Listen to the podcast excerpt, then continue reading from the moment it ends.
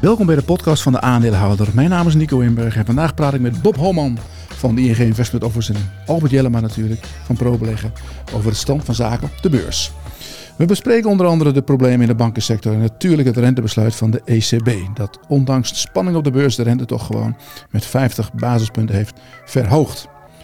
Deze podcast kun je ook met beelden bij bekijken. Ga dan naar YouTube en zoek op de aandeelhouder.nl. Dan je, vind je ons vanzelf.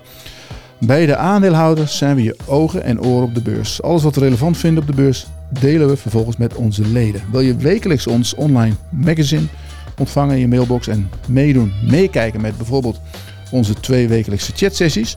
Meld je dan aan bij deaandeelhouder.nl slash abonnementen. En voor 177 euro per jaar ben je het hele jaar lid. Veel plezier. Goedemiddag, welkom bij de podcast van de aandeelhouder. Het is vandaag donderdag 16 maart. We zijn de hele week al in de band van de banken en de verzekeraars en alles wat er gebeurt met de rente. En daar gaan we vandaag over praten met natuurlijk Albert Jellema, de vaste sidekick van ProBeleg. Albert, welkom. En vandaag, hè, dat komt natuurlijk heel mooi uit, want uh, iemand die weet echt van de hoed en de hand. Bob Homan van het ING Investment Office. Bob, leuk dat je er bent. Ja, dank. Uh, is, is het uh, ja, paniek op kantoor bij de ING of hoe valt het?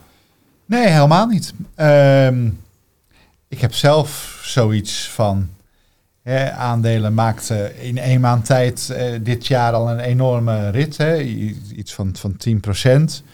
Daar gaat nu wat uh, af. Ik vond uh, toen een, een, maand geleden, als mensen zeiden, ja, moet ik nu instappen? Niet dat we daar nou echt over adviseren of zo. Had ik wel zoiets, ja, weet je, instappen kan altijd. Maar ik vind het wel vatbaar voor een, een reactie op, ja. op die snelle opgang. Nou, nu heb je die reactie gehad. En dan durf ik mij al met iets meer enthousiasme weer over aandelen en, uh, en obligaties te praten. Gewoon een kleine correctie, niks aan de hand. Precies. Gewoon doorlopen. Albert, is dat ook een beetje jouw gevoel? Of zeg je van... Uh... Nou, vandaag hadden we de grootste paniekvogel natuurlijk niet op kantoor. ja, Lars. Oh, ja, ja, ja, ja. die, die, die, schiet gelijk in de stress. En dan zien we allemaal in plaats van... alleen maar in paniek aandelen. Zien we alleen maar in plaats van rode haren krijgt hij grijze haren. Dat een beetje. Dus, uh, hij is ook nou, een beetje voor het aankomende weekend natuurlijk Ja, ja, nee. Dus er zit ook nog de, de spanning van het voetbal bij. Nou, kijk, weet je wat het is? Het begint vorige week. En dat is natuurlijk wat ik al eerder zei. Het is het mooie en het bijzondere van financiële markten. Hoe snel iets kan ontstaan. Hè? Want hè, tot, tot twee weken geleden maakte niemand zich druk om banken en dat mensen geld van depositors gingen halen en dat ze dan weer, weer verliezen moesten nemen op wat ze belegd hadden met die gelden.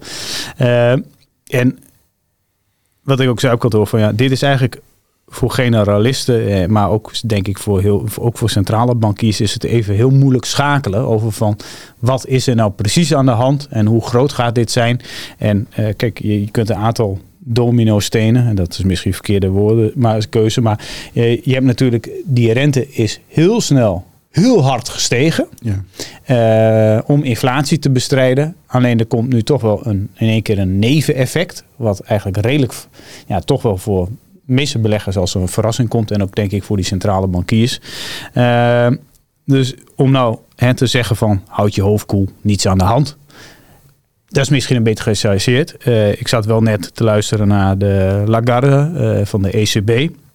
En uh, kijk, die, die moet dat ook zeggen. Maar die zei letterlijk volgens mij het volgende. banking, banks are much stronger than in 2008. Want ja, daar wordt er parallel mee getrokken. And we are not seeing any liquidity issues at the moment. En ze zei erbij, we hebben een enorme koffer aan instrumenten dat als er wel issues zijn, om dat aan te pakken. Ja. Dus ja. Is eigenlijk whatever it takes op het moment niet. Nee, dat, dat, uh, maar bij haar gelooft ook niemand het trouwens, maar dat terzijde. maar, het is wel bijzonder dat iemand met zonder bankeren achtergrond, dat die de, het hoofd van de ECB is, uh, Bob. Nou, ik denk dat je in heel veel bedrijfstakken toch wel ook mensen ziet die misschien inhoudelijk uh, niet, niet zo heel erg onderlegd zijn, maar wel ja. goede bestuurders zijn. Dat is echt een trend. Uh, en misschien het, het ja, dat, ja, ja, dat gaat met golven inderdaad. Ik ja. heb in mijn carrière ook wel gezien inderdaad. Uh, eerst moest je een manager zijn die veel ook kennis had. Vervolgens, nee, we hebben alleen maar general managers nodig. En ja. nu, nu bij banken bijvoorbeeld is toch wel weer heel erg een inhoudelijke manager. Ja. Nee, ik zou nooit een IT-afdeling bijvoorbeeld kunnen nee. leiden. Dat, dat kon tien jaar geleden bij wijze van spreken wel. Uh, en het geeft misschien wel meer ruimte voor de specialisten die daar omheen zitten. Hè, bijvoorbeeld de eh, bankpresidenten van de landen. Ik denk dat hè, zo'n Draghi bijna alles alleen besliste. Ja. En zij zal wat meer naar de consensus eh, Ja. luisteren. Ja, dat Dus hopen we dan maar. op, op zich denk ik niet dat dat, eh, dat verkeerd is. Nee. We gaan zo even verder door op de ECB. Maar laten we deze week beginnen, jongens, met eh, wat ons verbaasd heeft deze week opgevallen is. Bob, ehm, Nou ja, wat mij eigenlijk al eh, in mijn hele carrière in de financiële wereld verbaast, iedere keer toch weer, is dat eh, je iedere keer gebeurtenissen hebt die volgens hè, de risicomodellen eens in de honderd of duizend jaar eh, gebeuren. Daar heb ik al zoveel dingen meegemaakt. dat is net in jouw die, tijd eh, gebeurd. Maar hoe oud ben je dan? nou, ik, de volgende maand word ik 55. ik zit nu denk ik 30 jaar in die, die business.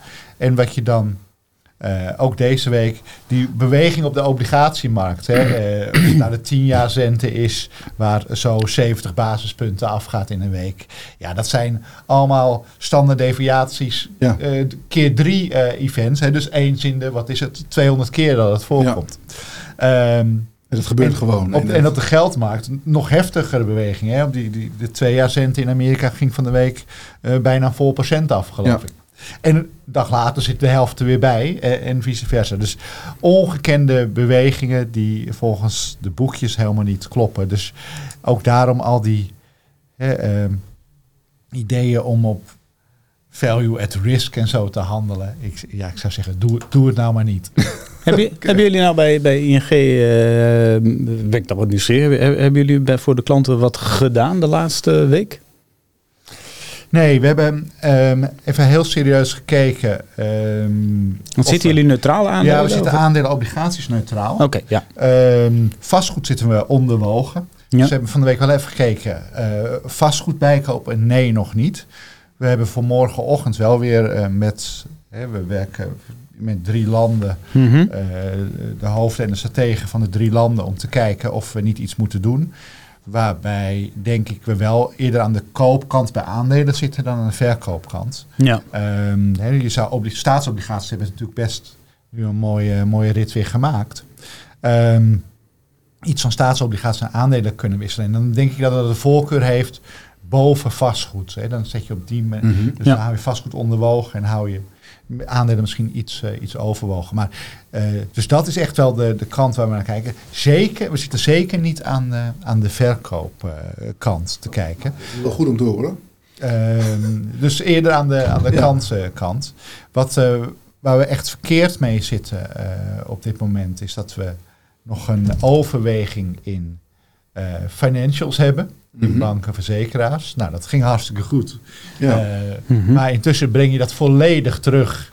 En Het lost zich nog vanzelf op, die overweging. Ja, dat was wel een. En, en waar ik heel blij mee ben, dat is de andere kant. En dat compenseert meer dan eh, eh, volledig.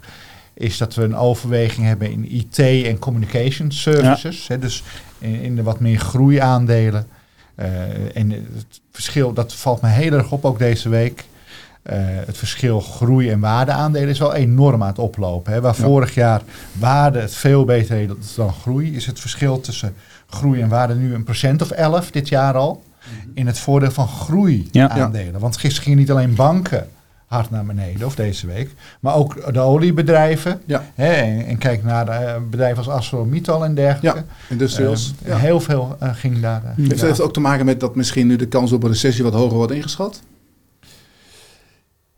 Nou, je zou zeggen. Ik denk dat de kans op een recessie eh, juist iedere keer naar achter wordt, wordt geschoven. Hè? Eh, maar ja, en nu, nu met dat dit allemaal gebeurt, dat je die naar iets naar voren haalt. Ja, je zag Lagarde net, die eh, de economische groei in Europa juist de prognoses een half ja. procent verhoogd. Hè, Ja. van een Ja. half naar, naar Ja, één. ja voor, voor, voor dit jaar, maar voor volgend jaar zijn ze wel weer iets wat... nou ik, goed, ik het- vind dat wat. Ik zelf denk dat. eh, komt natuurlijk ooit wel een recessie, maar het duurt veel Ja. langer dan, eh, dan Ja. gedacht. Je ziet nu wel inderdaad dat die rente ook toch echt onverwachte effecten in, in hoeken heeft, waar je Ja. het misschien niet eh, direct verwacht. Eh, Dus Ja, je, je, je zou kunnen zeggen, je gaat een beetje naar Goldilocks nu toe. Hè? Dus centrale banken durven die rente niet echt meer te verhogen. Ehm, daardoor, inflatie zie je toch ook echt wel terugvallen. Ehm, en, en daarom kan die recessie misschien nog wel langer duren. bijna te mooi om waar te zijn. Dat straks die energieprijzen gaan indalen. Want die gaan vanaf nu echt omlaag. En, Ja. en stel dat de afdronk is. Stel dit, dit hè, het allemaal een beetje gezetteld is straks. En inderdaad, die rente, eh, die hebben we gehad. De, de rentestappen. Dan zou het logisch zijn inderdaad dat, dat de Nasdaq, de technologieaandelen, weer wat, wat meer in flow Ja. komen. Ik was er vandaag ook met, eh, met Albert volgens mij, Albert, over Ja. eh, bijvoorbeeld Kinopolis, Basic Fit. Ja. Groeiaandelen die gewoon heel goed blijven liggen eigenlijk in dit Ja. geweld. Nee, maar dat, dat die eh, zeg maar eh, vaak in echte crashes zeg maar, dan wordt er zeg maar niet gediscrimineerd. Hè? Dan gaat alles. Maar nu wordt er echt wel gediscrimineerd. Precies. Want het is een- nou, bijvoorbeeld een Adyen. Ja, je kunt zeggen het is een financial, maar het, is, ja, het maakt betalingen precies. mogelijk. Dus het is een- een techbedrijf. Die handelt nog steeds rond die 1400. Dus die, die zakt eigenlijk bijvoorbeeld niet terug. Het is een groot bedrijf. Je ziet ook... de- Microsoft deze week gewoon hoger. Ja, dus je ziet wel echt enorme verschillen eh, tussen de aandelen. Waarbij natuurlijk hè, de financials eh, de, de enorme beuken krijgen. Enigszins tot mij nou, irritatie, maar ook wel verbazing is dat financial, of, verzekeraars net zo hard gaan eigenlijk. Eh, dus dat, dat, dat is wel een verbazing. Maar je ziet wel ja, heel veel verschil in performance. En inderdaad een, een relatief, nou, in mijn ogen dan wel stabiel bedrijf zoals Kinopolis, waar ik in beleg. Ja, dat blijft een beetje hangen rond die 40, 41. Ja, beweegt ook eigenlijk niet echt. Eh, dus het is wel eh, grote verschillen. Ja, want Ja. Je misschien, jij zegt, misschien komt het hè, omdat die recessiekansen wat groter worden. Eh, hè, dat groei het beter dan waarde. Maar het is misschien ook eigenlijk de soort Pavlov-reactie van mensen die wat paniek zien om zich heen. Laat ik de aandelen waar winst op zit eh, verkopen. Nou, waardeaandelen hebben het vorig jaar heel goed gedaan. Ja. Dus daar zit, nou, die hebben er misschien wat, nog wat winst op. Groeiaandelen hebben vorig jaar eh, een forse knauw gehad. Dus misschien weinig mensen die daar echt in de plus staan. Dus, weet je wat, heel zonder te kijken naar de toekomst, kijken naar het verleden. Ik verkoop de aandelen waar winst op zit, want dat voelt wat, eh, wat lekkerder. Ja, ja, Ehm, dat zou ook best ehm, de markt kunnen zijn. zou goed kunnen. Al- Albert, ja, jouw verbazing was, is dat van de verzekeraars? Ben je verbaasd dat de verzekeraars eh, net zo hard gaan als de banken? Of nog harder zelfs? Nee, nee, eigenlijk. eh, ik, ik dacht van, nou ja, we hebben zo'n aardverschuiving in dit land op het politieke front gehad. Vind ik dat je dat wel eventjes moet benoemen natuurlijk. Kiezingen. En eh, ja, dat, eh, en eh, nou ja, aan de ene kant hebben we natuurlijk een hele grote winnaar. Maar wat, wat mij gisteren bijvoorbeeld verbaasde, was dat de Forum voor Democratie verbaasd was dat ze zoveel verloren hadden. Ja, die, die hebben, die, Het een- verbaasde me dat zij verbaasd waren eigenlijk. En, eh, maar dat, hè, dus eh, voordat we allemaal negatieve commentaar hieronder krijgen, nou, dat had me verbaasd. En ik vond de, eh, de, de oprechte eh, uitdrukking van eh, Caroline, hè, want ik heb altijd het idee dat ze Caroline heet, maar ze heet Caroline. Schijnt Ierse Die. Ierse, ja, half Iers. De moeder is Iers, las ik. Eh, maar eh, die oprechte, extreme verbaasdheid, dat vond ik wel echt... eh, vind ik altijd toch wel mooi om te zien. Ik, ik heb wel zoiets van, en ze proberen dat nu natuurlijk eh, ja, te zeggen... we zijn al vier, vijf jaar bezig om voor te bereiden dat we allemaal goede mensen hebben. En ik geloof van ganser harte dat ze de Misschien- beste intenties Ja. hebben... en dat ze daar heel veel best voor hebben gedaan. Alleen als je zo extreem uit de bocht schiet in dit geval, daar kun je niet op voorbereid zijn in voldoende mate. Dus ik vind het wel, eh, ik snap dat het een proteststem is geweest voor veel mensen. Maar ja, dit, dit, eh, dat had met de helft van de, dit soort zetels misschien ook wel prima aangekomen. Eh, alleen ja, als je dan Mark Rutte, die, ja, die zegt in zijn speech voor mij niet eens van, nou, dit is een duidelijk signaal van de kiezer. Dat zegt hij niet eens. Hè. Die zegt gewoon, nou ja, de coalitie kan door. En dat, dat, ja, dat is wel allemaal, eh, maar het is wel een proteststem. Alleen ik maak me natuurlijk wel wat ja, oprecht wat zorgen dat als je zoveel groter bent dan waar je misschien op verwacht had. Hè, misschien had je wel, wel wat verwacht. Dan maak ik me wel zorgen, is dat, is dat nou wat je wil als Nederland? Die pensioenwet, eh, daar heeft ze tegen gestemd. Hè? Die gaat het nu niet halen in de Eerste Kamer. Oké. Heb ik. Nee, maar dat is, dat is echt een. Ik, dat, eh, ja, ik las dat vandaag. Ik Denk, ja, het is, kijk, het is. Nou, ik wil niet zeggen dat er een issue partij is. Het is een beetje CDA-achtig, maar dan voor de boeren. Voor het platteland eigenlijk. Uh, maar het zijn natuurlijk allerlei standpunten die... die uh, maar ze kunnen het in hun eentje niet, ze kunnen het in hun eentje niet blokken, maar, nee, die, maar die dat, anderen doen mee. Als ze groot worden en als ook andere partijen tegen zijn, ja. dan komt dat er gewoon niet door. En is altijd werk voor niks geweest, ja, waar je er ook van vindt. Ik weet niet hoe je mensen tegenaan kijken, maar dat, dat zijn wel nou ja, effecten. Ja, het heeft Denk buiten die proteststemmen, ook op, op andere onderwerpen, gaat het natuurlijk invloed hebben. Ja. Heb je, houden jullie daar rekening mee met bijvoorbeeld verkiezingen? Dat je zegt van nou, er kan even dit gebeuren of dat gebeuren? Of? Soms, maar niet, in dit geval niet. Uh, hij dat had vooral um, toen Europa allemaal wat spannender was. Hè? Dat, dat je in Frankrijk en Italië echt anti-Europese partijen had. Ja. Weet je, dat je moest voor het voortbestaan van de euro of de Europese Unie in twijfel kon trekken, toen wel. Maar dat lijkt helemaal weg, hè, de, die Oekraïne-oorlog. Als het, het zal nergens goed voor zijn, maar als het iets positiefs heeft gebracht, is dat Europa, denk ik, wat, wat meer verenigd staat in, uh, in die zin.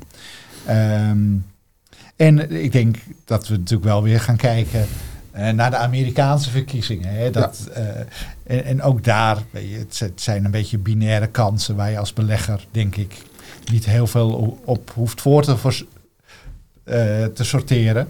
Maar daar, daar moet je denk ik wel eventjes naar kijken. En in ieder geval misschien op, op dat moment niet al te veel risico's één kant open hebben staan. Ja, ja, Nederlandse verkiezingen worden wat dat betreft. Zijn worden altijd genegeerd. Ik heb nog nooit een, een beursreactie gezien. Met Prinsjesdag eh, organiseren wij als ING vaak ook events hè, voor onze klanten om nou, de nieuwe belastingmaatregelen uit te leggen. En dan word ik ook nog wel vaak gevraagd van wat betekent het voor de beurs? Ja, dan doe ik maar gewoon een verhaal, want voor de beurs betekent het helemaal niks. Nee. nee, wij hopen natuurlijk gewoon achter Amerika aan. Um, uh, wat wel impact heeft zijn natuurlijk de centrale banken. We hebben net uh, de ECB gezien. Dat is toch wel even spannend, Albert. Want wij zaten vooraf te filosoferen. Gaat ze wel een halfje doen of niet een halfje? Of nul? Ja, als ze zegt nul, dan geven ze eigenlijk toe dat er paniek is. Dus ze heeft ervoor gekozen om wel een halfje te doen. En te zeggen van we, we, we ja, alles onder controle, min of meer. Hè? Nou, kijk, we, we nee, de, zo zou ik het niet willen zeggen. Want zij zei eigenlijk van inflation is too high for too long. Daar begon ze eigenlijk mee. Nou, het tweede is, zij zegt van wij uh, gaan voor een data-dependent approach. Oftewel, wij baseren ons op data. Ja, dat niet, on, niet onverzet. Uh, ja. Alleen voordat natuurlijk de reële economie in de data verwerkt is, er zit een bepaald iets in, dat noemen we een time lag. Ja, er zaten nog de cijfers van voor de, de crisis ook, hè? Ja, zij had, uh, ze, ze baseerde het op twee datasets, gaf ze aan. En de ene dataset was van 15, 15 februari en de andere van 1 maart. Okay. Uh, dus ja, op basis van die data moet je dan de rente met 50 basispunten eh, verhogen. Want je bent een data-dependent approach. Hè? Dat heeft ze denk ik 16 keer gezegd in het half uur wat ik geluisterd heb. Ja, verstopte zich. Dus, uh, en ehm, uh, daarbij uh, ja, ging ze natuurlijk in op uh, ja, wat, ja, wel wat er sindsdien is gebeurd. Ehm, ja, en eigenlijk wat ze zeggen, de banken zijn sterk gecapitaliseerd. ze hebben sterke liquiditeitspositie. En wij hebben een hele grote koffer aan instrumenten dat als er problemen komen, dan kunnen we helpen. maar dat zien we nu niet. Ja, dat was eigenlijk de boodschap. En uh, toen vroeg ze van, nou, want dus, dus zijn een journalist die vroeg van, hey, normaal gesproken geef je ook echt, zeg maar, een outlook van hè, het, uh, de volgende keer, uh, nou ja, hè, in onbewuste bewoordingen kun je weer 50 basispunten verwachten. Dat scheen nu er niet in te zitten, omdat ze toch... Dat, dat, was het grote verschil. Dat was het grote verschil. dus dat, dat je nu, nu is die rente 3%. En ik zag ook dat, hè, waar vorige week nog voor alles gebeurde met uh, de hele bankensector. Um, de eindrate in deze cyclus uh, op een procent of vier voor de ECB werd ingeschat. Is dat nu die 3% die, de, die er staat? Ja. dus de markt is, is heel snel omgeslagen. En, uh, ze, hoeft, ze heeft natuurlijk de rente met 50 basispunten verhoogd. Maar we moeten niet vergeten dat deze week de financiële condities voor Europa echt enorm verslechterd zijn. Hè? Dus mhm. eigenlijk het, het monetaire transmissiemechanisme waarbij die hogere rentes um, vertaald worden in slechtere financiële condities, die is bereikt zonder dat zij de rente omhoog vinden. Want eh, credit spreads, eh, dus wat bedrijven moeten, extra moeten betalen, zijn wordt al veel opgelopen.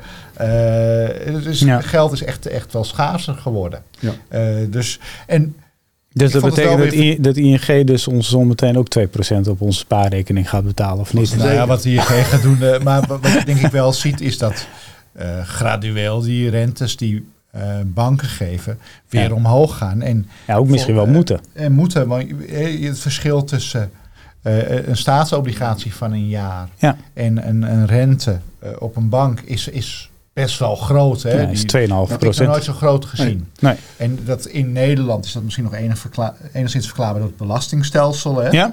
Eh, maar in andere landen eh, is dat natuurlijk niet heel eh, lang, eh, lang houdbaar. ja. Ik las een commentaar van, van jullie eigen economisch bureau. Daar kreeg ik, eh, daar kreeg ik een mail, een half uurtje geleden. En die, die hadden het erover dat... ze zeiden, ja, die, die, die 50 basispunten is eigenlijk wel normaal te verwachten. Maar ze zal waarschijnlijk in de speech een beetje erop, erop aansturen dat ze minder, minder hawkish wordt. Dat ze wat meer... Wat meer Ja, maar dat, dat eh, vond ik ook heel duidelijk terug. Hè? Als je zegt, ik stap over naar... In vorige vergadering zei ze altijd... en de volgende keer komt, komt er nog, nog iets achteraan. Ja. En nu is het data dependency. Ja, Ja. wat ze in Amerika ook al, eh, al een, een tijdje doen. En dat lijkt me... Hè, dat, ik denk dat het voor beleggers eh, bijna ideaal is. Want eh, als die data inderdaad verdere inflatie eh, eh, aangeven... is het toch ook wel fijn inderdaad dat de centrale bank ermee meegaat. Maar tegelijkertijd, als dat niet zo is... en daar lijkt het nu wel een beetje op... Hè, Ja. eh, dan, eh, dan hoeft het niet. Ja, wat, wat wil je nog meer? Ja, en zo moet je ook beleid voeren, denk ik. Ja. Data dependent. Dat is misschien ook wel wat. Hè, eh, Bob die had net al even over die, die rentes eh, dit jaar hè, en over deze week. En ik had het toevallig even over, nou niet toevallig. Ik denk van ik zoek dat ook eens even op. Over de laatste vijf dagen. Maar dan had je inderdaad dat de tweejaars rente, die was 3,35 op de tweejaars boend. En nu 2,46. Bijna procent. Ja, Ja, in, in, is in, in, een- in een week. Ja. En dan de 10 jaar is van 2,6 naar 2,2. Dus de, de, de inverse yield curve is ook een half procent eh, teruggekomen. Ja. En in Amerika was het ook extreem inderdaad. Want daar was de US Treasuries, eh, twee jaar zat boven de, of rond de 5. Die gaan nu 3,95. Dus dat is meer dan een procent in vijf dagen. En de, eh, eh, de spread is nu nog maar een half. En die lag boven de 1. Ja. En dat zijn Oh ja, ja, extreme uitslagen. Nou ja, eh, ik, ik loop ook al een tijdje mee, maar dit is, dit, dit is wel redelijk bizar dit. En heel veel marktforschers die zeggen van ja, als die curve zo invers is, hè, geeft dat een recessie aan Ja. binnen zoveel maanden. Nou ja, de, het lijkt alsof, als je dit bekijkt, de recessiekans op basis van Ja, eerder in afnemen. ieder geval afgenomen Ja, is. ja, Ja. dat zou ook kunnen. Ja, maar dit, dit, dit is wel bizar, hè? Maar we hadden er, ja, kijk, eh, wij zoeken altijd dan naar aandeeltjes die hiervan profiteren. En, en we- wij, wij zitten de hele tijd nu te praten over flow traders. Want die hebben jarenlang extreem veel geïnvesteerd in bondhandel. Ja, dan is dit natuurlijk... Ja, dan moet je moet ja, wel moet, ja, ideaal moet, zijn. hier, hier moet toch echt een sloot geld mee te verdienen zijn. Ja. Nou ja, we, ik, ik zei net, we hebben een overweging in financials, waar onder andere ook wel twee beurzen in zitten. Ja. ICE en eh, CME in eh, Amerika. Ja, Ja, die, die eigenlijk ook wel weer los van de andere financials Ja. bewegen. Die Ja. net als flow traders misschien eerder iets van baat ja. dan eh, eh, pech mee, eh, mee hebben. ja. Ja, zo- over het algemeen is voor, dit, voor, hè, voor zulke soort beursbedrijven... dit is goed, zolang het maar niet echt crasht. Dan is het prima. Dan, dan zijn dit hele lekkere markten. Binnen de, de, de bandbreedte. Nou, we, we hebben... De- de- jij zegt net over verzekeraars. Hè, wat je, Ja. Misschien heeft dat, ik denk dat het te maken heeft met hè, het ehm, faillissement van eh, SVB. Hè. Ja, Ehm, daar was het toch die afschrijvingen op obligatieportefeuilles. Hè, die Ja. dan, als die rente zo hard stijgt, toch Mhm. wel heel hard gaat. Dus hè, ik denk dat men ook dacht, oh ja, verzekeraars staan ook vol met Ja. hun balansen met die obligaties. Dus die zullen ook af moeten schrijven op een of andere manier. Dat, dat hoeft denk ik helemaal niet, want zo werkt die boekhouding niet. nee. Eh, maar goed, dat is dan misschien ook Ja. een beetje de gedachte. En die zouden nu, nu die rente, ik gaf net de, de, Ja. de getallen, eh, zou je dan zeggen, ja, dan moet, die daling toch ook wel zo langzamerhand weer eens over zijn.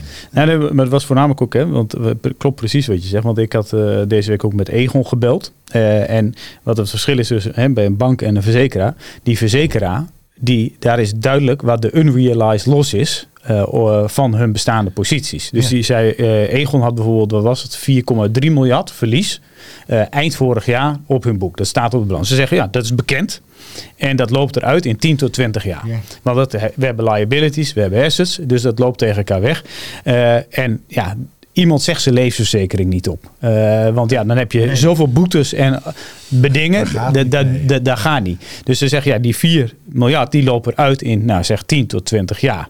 Alleen bij hun is het ook gewoon bekend wat het is. Uh, en, en dat is wel het opvallende, dat uh, ja, ze er uiteindelijk net zo hard aangaan. terwijl nu, die 4 miljard, die zal waarschijnlijk nu kleiner zijn. omdat die rente zo in elkaar ja, kachelt. Ja. Het is voor die bedrijven heel goed geweest, af de bank en verzekeraars. Want de, de obligaties staan weer echt weer een stuk hoger. Dus uh, ja, het probleem lost zich vanzelf op bijna. Dat geldt denk ik meer voor Amerikaanse banken dan voor Europese. Ja.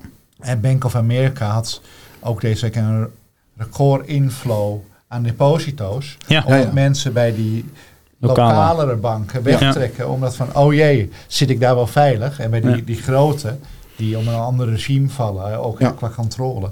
Dan zit ik wellicht wat, uh, wat veiliger. Ja, ja, ik begreep dat we, ik weet niet waar ik dat las, maar ze zeiden dat, dat in afgelopen weekend met het redden van het SV, SVB, die Silicon Valley Bank, dat die toezichthouder in de eerste instantie de grote banken wilde overslaan in Amerika. Omdat ze, ze ook weer niet willen dat die weer al te groot worden. Dat dan alles zich, zich oh, concentreert bij, bij de, ja. de Goldmans en de, de Bank of America's.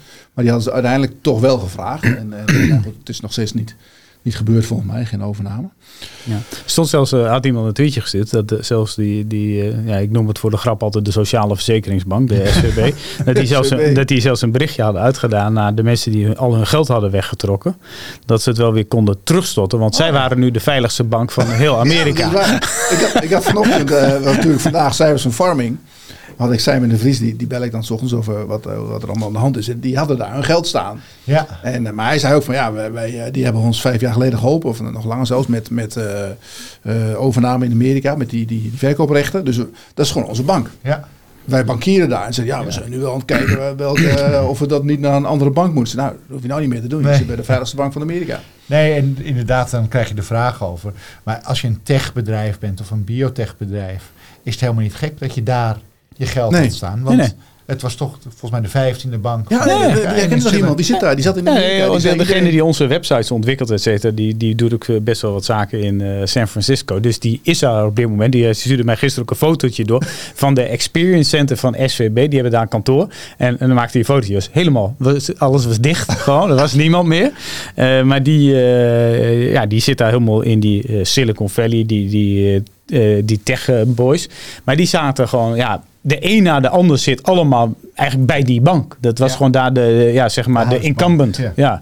Dus, uh, nee, dus dat is, uh, ja, heel veel zit daar. Dat was wel grappig. Er was een man, die, die had dat ook op Twitter gezet. Dat is een uh, CEO van een techbedrijf. En die zei van, dat, die, die, dat, dat werd bekend vorige week, hè, dat ze aandelen gingen uitgeven. En dan zei ja, ik, zeg, die, ik zat in een WhatsApp groep met 200 mensen allemaal. En dat werd aan elkaar een beetje aangestoken.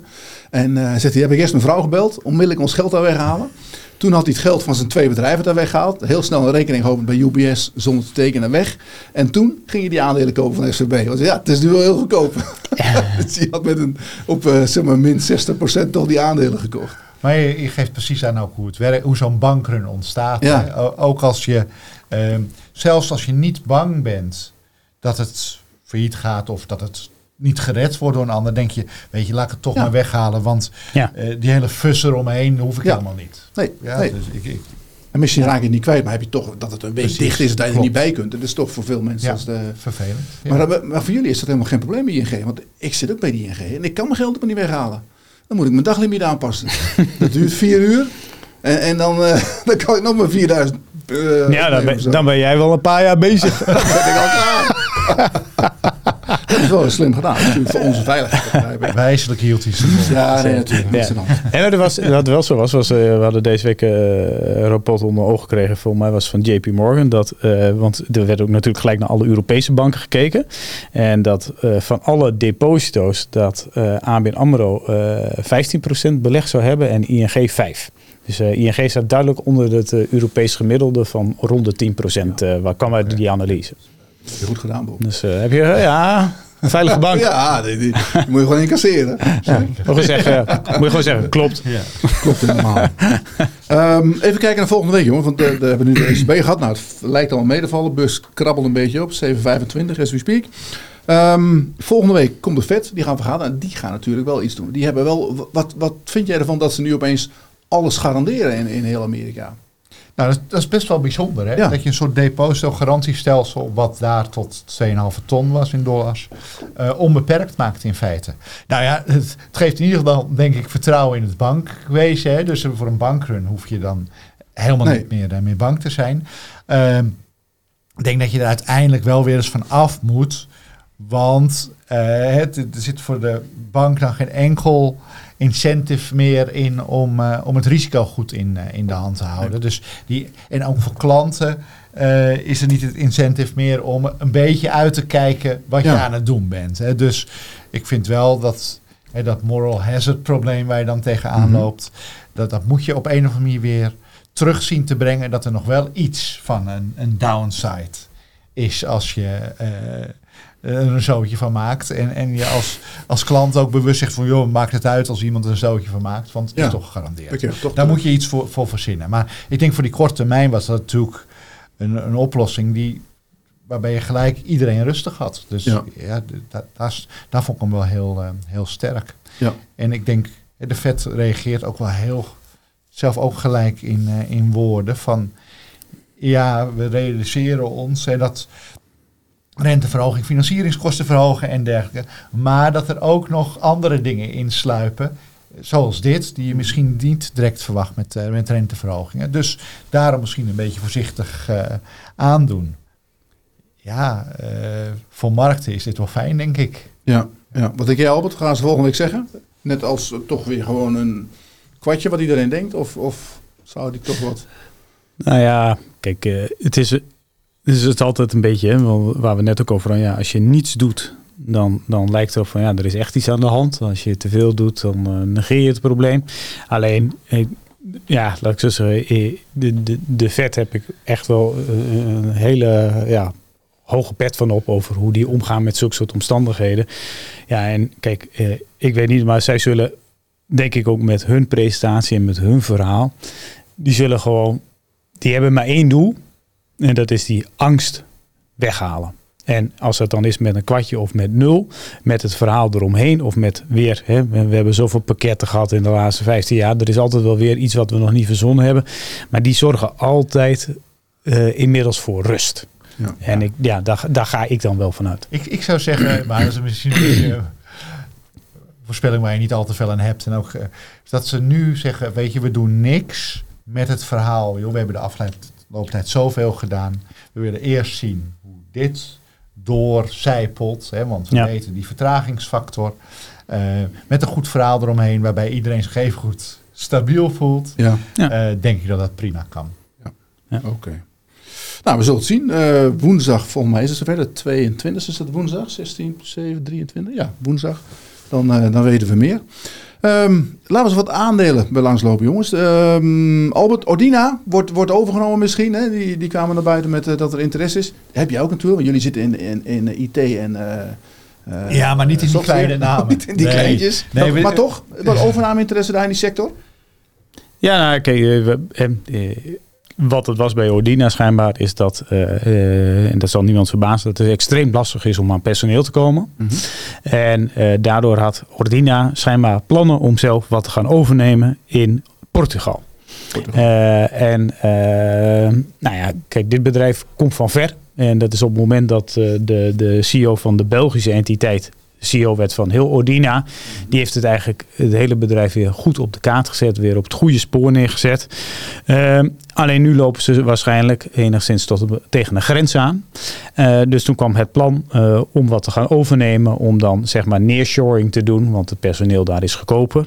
Ehm, alleen eh, wat ik las was dat Teslin met 15% plus van de stukken. Die zei van, nou, dit valt in de categorie slechte ideeën. Goed idee, doen we niet. misschien, misschien is het verstandiger dat Ordina zich bij een sterke partner aansluit. Eh, dus die lijken hier wel een, eh, een rol in te spelen. Dat, ze, dat, dat, dat ze, die, die, die, kie- die kiezen niet de rol van Ordina moet bij de grote horen, maar moet onderdeel gaan uitmaken van een grote. Maar ze zijn dus eigenlijk een beetje op zoek, omdat ze ook met, met meerdere partijen in gesprek zijn. Dat betekent niet dat er één iemand zijn oog heeft laten vallen op Ordina. Maar Nee, je krijgt het idee dat ze gewoon een... eh, engeltjes uitgooit van... je krijgt het idee dat gewoon het, eh, ja, ze zitten daar bij Utrecht, dat er gewoon een bot op het, eh, op het dak is gezet te koop. ja, ja Oké, nou, dat kan natuurlijk. Dat kan.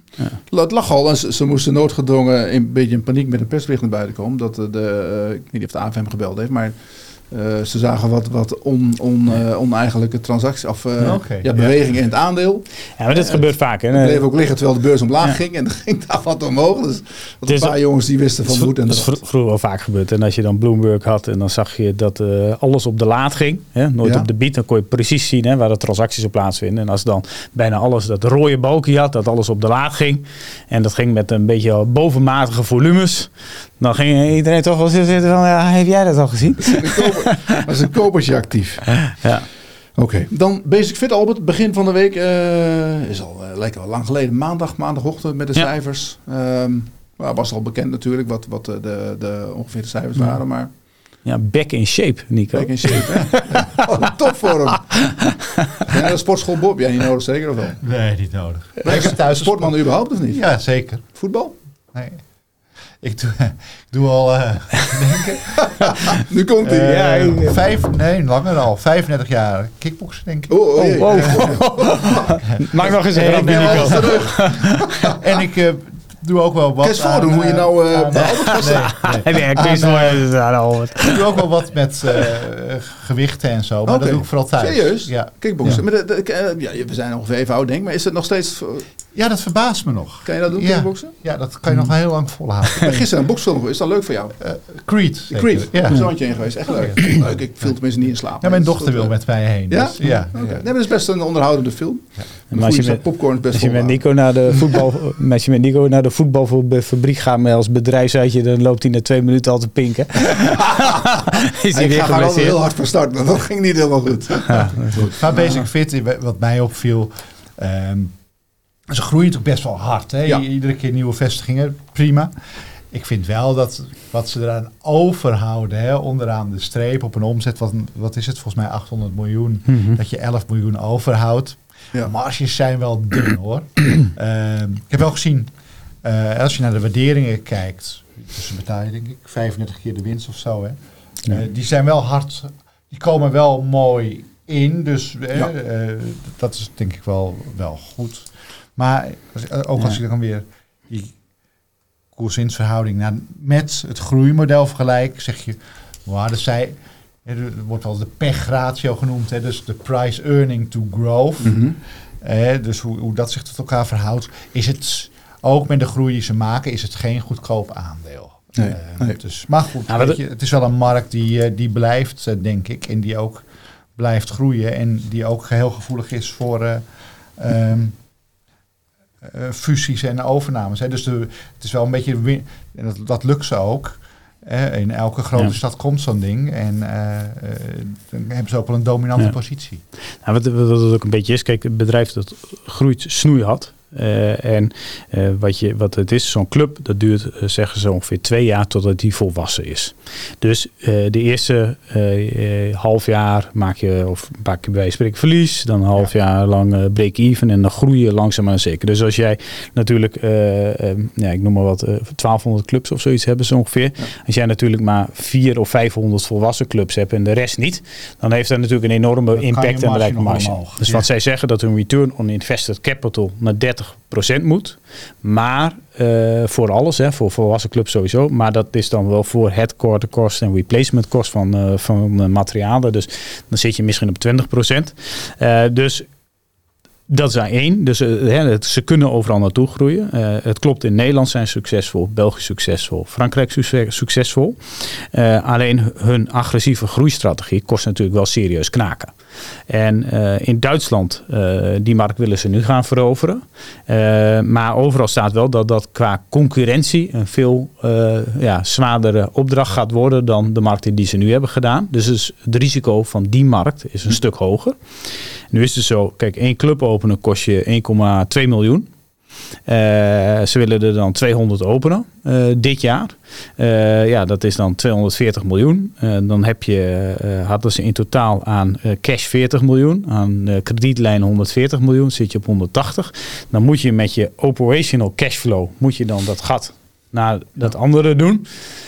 Ik vind het wel, voor die groeiplannen, vind ik het wel, laat ik zo zeggen, een dun lijntje waar ze op lopen. dus persoonlijk, en ze hebben dat veel vaker al gedaan, persoonlijk zou ik het best aannemelijk vinden dat er een plaatsingje komt van 10%. Ja, ja. Zou ik, oh, maar gewoon, want dan loop je niet meer zo over dat hele le- dat, dat Nee. smalle. Ik vind het toch wel een beetje 180 miljoen, 200 clubs.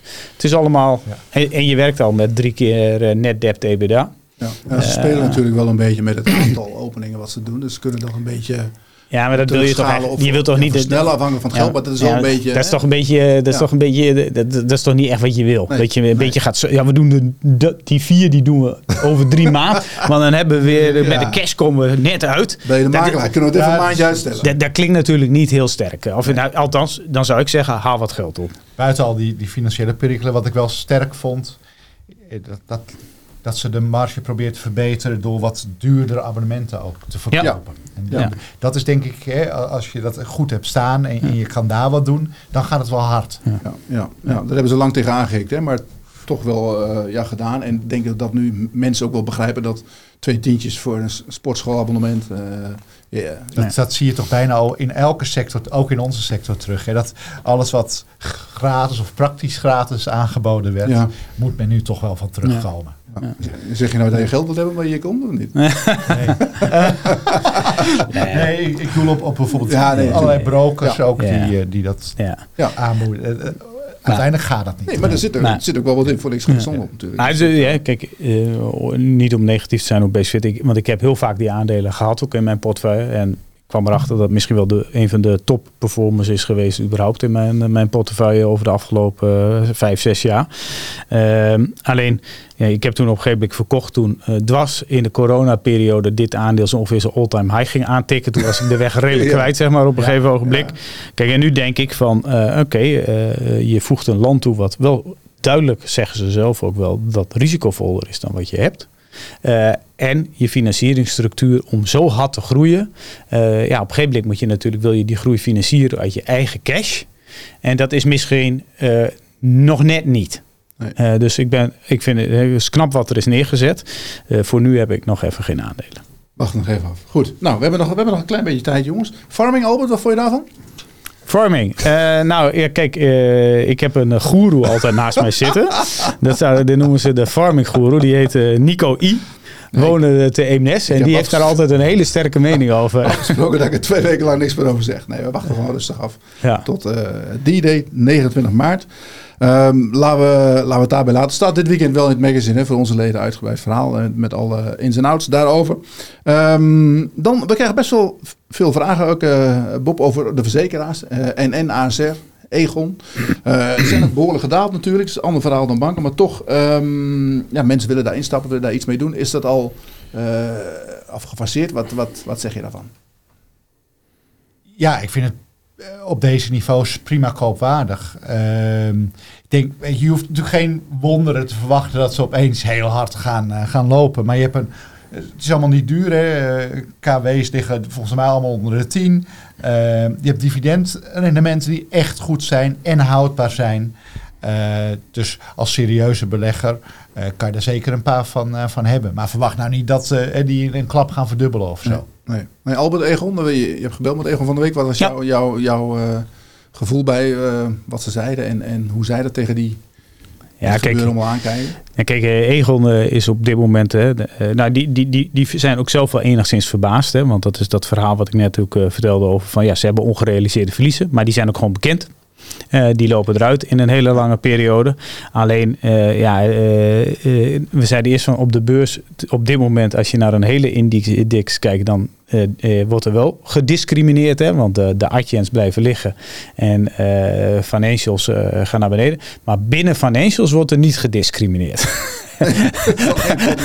die, die gaan gewoon met z'n allen omlaag. Ja. En dan denk ik natuurlijk Egon. eh, die hebben. eh die, dit is natuurlijk in principe een pure Amerikaanse speler. Eh, met de verkoop van Egon Nederland aan ASR. Ja, ja, Alleen. Als, als ik er dan naar kijk en ik heb de aandelen, dus ik praat natuurlijk voor is eigen parochie wat het dat is betreft. spitsbob in ons Ja. elftal. ja, maar, Ja, maar weet je, maar wat je hebt is, kijk, market cap 9 miljard.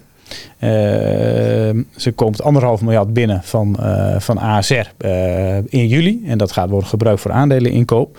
Dat is één. Het tweede is, ze krijgen een belang in een ASR van 20% Uh, dus dat is ongeveer, of van 30% Dus ongeveer 2 miljard. Heb je 3,5 miljard in principe cash, wat er waarschijnlijk in de komende anderhalf tot twee jaar vrijkomt. En dat wordt geherinvesteerd in Egel. Uh, daarbij het dividend uh, wat er komt. Dus ik zat tot eind volgend jaar al dat je ongeveer een derde van je huidige market cap retour afzender krijgt. En als je dan die, dat, dat andere belangen bijzegt, dan ga je gewoon misschien wel in 2,5 jaar naar ongeveer de helft van de market cap, die er inclusief dividenden retour afzender kan komen. Ja, dat is wel heel grof. En dan hou je een, uh, bedrijf over wat volgens mij, want Laat Friese die komt in juni, uh, ja, juni met zijn uh, nieuwe Capital Markets Day, want hij heeft al zijn kostenbesparingsplannen al gerealiseerd. Dus die komt dan waarschijnlijk met nieuwe kostenbesparingsplannen. Maar hij kan ook nog verder rationaliseren. Want hij zit nog bijvoorbeeld in Spanje, hij zit nog in de UK. Hij kan de kapitaalstructuur van de holding, heeft hij veel minder nodig. Dus ik denk eerlijk gezegd dat er nog ja, dat klinkt heel raar, maar ik denk eerlijk gezegd dat er nog een stuk meer mogelijk is op dat gebied. Uh, hij ontmantelt eigenlijk Egon een beetje en hij stroomlijnt het. Dus en hij heeft een heel goed track record ja. wat dat betreft. Ja. Dus ik, uh, wat moeten wij uiteindelijk met een Amerikaanse verzekeraar op onze beurs? Ja, ik heb nooit zoveel moeite of je nou een Nederlandse belegging of, of ja. een Amerikaanse belegging hebt. Dus, maar ik snap het, voor de Nederlandse beurs is dat misschien een beetje vreemd. Maar goed, het hoofdkantoor zit volgens mij nog steeds in Den Haag, toch? Ja, ja nou, zoals iemand vorige week die zei van, uh, denk je dan dat als je ASML hebt, dat je dan, uh, hoeveel klanten komen er uit Nederland? Ja, en, die denkt 1%. Nee, ik denk dat vroeg, vroeger was het misschien echt wel zo. Hè, dat je zegt, ja, uh, Albert Heijn, dat ken ik, hè, daar doe ik boodschappen. Maar ja, tegenwoordig ken je een Amerikaans bedrijf als Alphabet, hè, Google en en, en, Uber en zo, die, ja, die ken je toch wel eigenlijk ook wel. Ja. Uh, je weet ook precies wat, Zie je ook in je wat ze doen. En je, je gebruikt ze, uh, zoals Google, uh, elke dag. Dus ja, ja dat onderscheid en, en dat, dat chauvinisme en dat je dicht bij je belegging moet zitten, ik, ik geloof daar niet in. doen jullie, als we het er toch over hebben, doen jullie bijvoorbeeld bij ING wat in Chinese aandelen of vind je dat dan weer te ver weg? Nee, daar doen we wel wat in. Ja? Ja, ehm, we zitten in Tencent en Alibaba. Uh, rechtstreeks. En dan nog via eventueel wat trekkers of, uh, of uh, fondsen. ook nog wel wat in wat andere aandelen. Maar dat zijn, die hebben we ook als directe lijnen. Ja, ja alright. Goed. Nou, we zijn aan het einde van de show, jongens. Um, nou, even resumeren. We hebben natuurlijk een hoop ellende achter de rug deze week. als ik zeg een storm in een glas water. Of een normale correctie. Waar, waar, waar zit het ongeveer? Of uh, dan we, ga, ga ik volledig voor... naar een, een, normale correctie toe. En wel ja. in een, hè, die dan uit een spannende hoek kwam. Wat ja. misschien we met z'n allen spannender hebben gemaakt dan het in werkelijkheid was. Ja. Albert, laatste woord. Ik sluit mij graag aan bij de wijze woorden van de man naast mij. Oké, okay, nou doen we dat. Bob, bedankt voor je komst hier. Ja, graag gedaan, bedankt. Mag zijn. Jullie thuis, bedankt voor het kijken. Vergeet niet te abonneren op ons YouTube kanaal. Dat kan door middel van de rode knop eronder. We zitten bijna op 10.000 abonnees volgens mij. Best een prestatie. En uh, daar kunnen jullie ons mee helpen. Nou, bedankt voor het kijken. Tot de volgende week.